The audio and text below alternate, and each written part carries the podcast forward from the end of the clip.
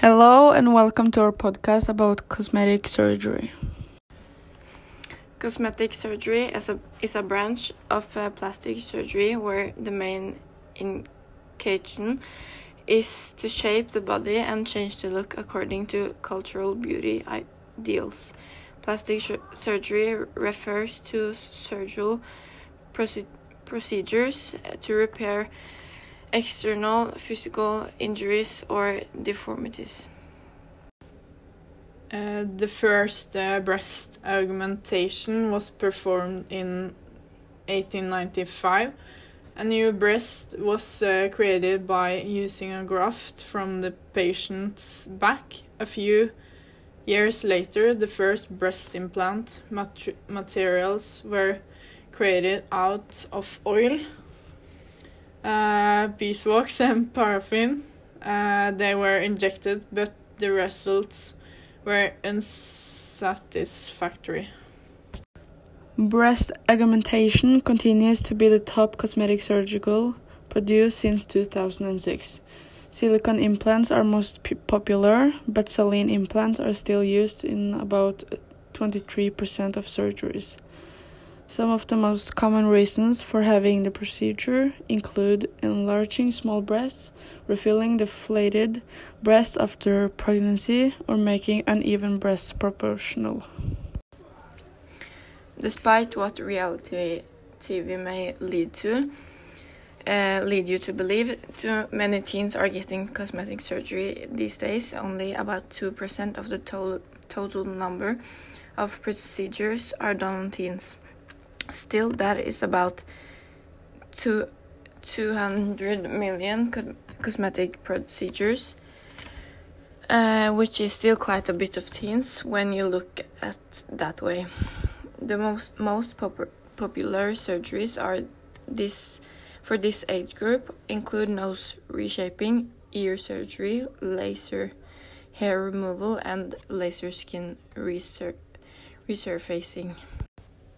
Uh, the 40 to 54 year old age group makes up most cosmetic pr procedures, nearly half, and it makes sense why. This age group is starting to see the signs of aging, and they are mostly done with uh, done having uh, children. They may also be more financially stable and able to afford reconstructive surgery. Many are also empty nesters and finally have some time to spend on improving themselves. 92% of all cosmetic procedures are done on women. Over 12 million of them are minimally invasive and include things like chemical peels, Botox, and laser hair removal.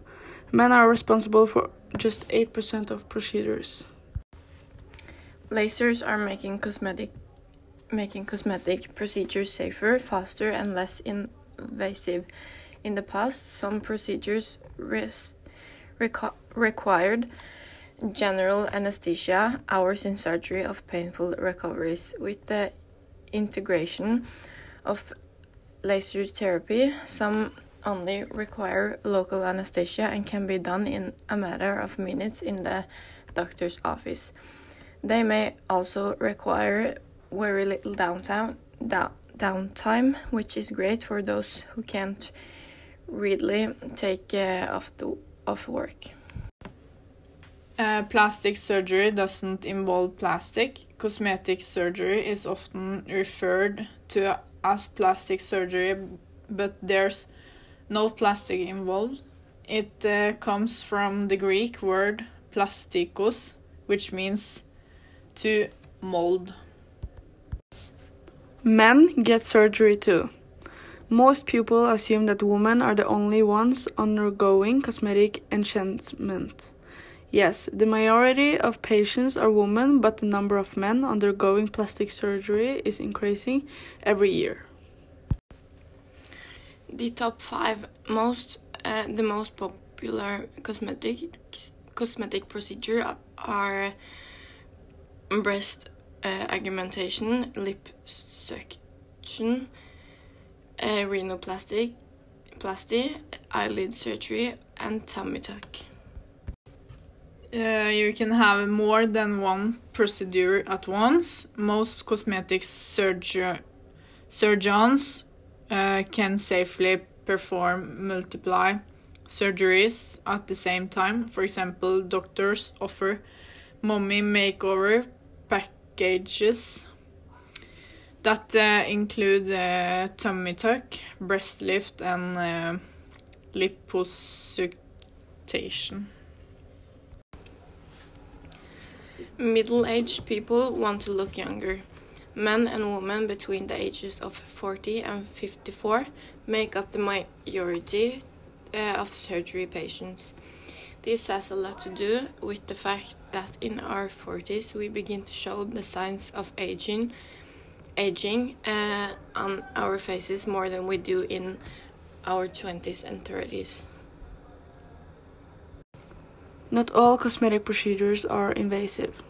There are many cosmetic enhancements you can have that don't require anesthesia or surgical intervention, such as Botox, chemical peel, laser hair removal, microdermabrasion,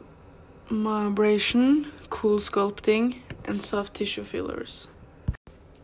There is such a thing as too much surgery. It's fine to do a few tweaks here and there or remove stubborn body fat that doesn't respond to exercise and dieting uh, dieting. But uh, your cosmetic uh, surgeon uh, will stop treatments if you overdo it. No no board uh, certified surgeon is going to give you the okay for a six, sixth nose job or increase your breast size beyond what your fame can support. Erika, what do you think about cosmetic surgery? Uh, my thoughts about uh, cosmetic surgery is that I think it can be good if there is someone who is exposed to an accident or that there are people who have complexes or are struggling with their own appearance. It's uh, up to each and everyone if there is uh, something themselves want to fix.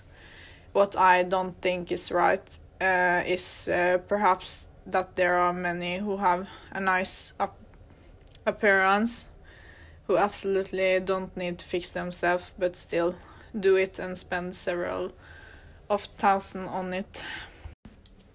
Thank, Thank you, you, for, listening, listening to, to, our podcast. podcast.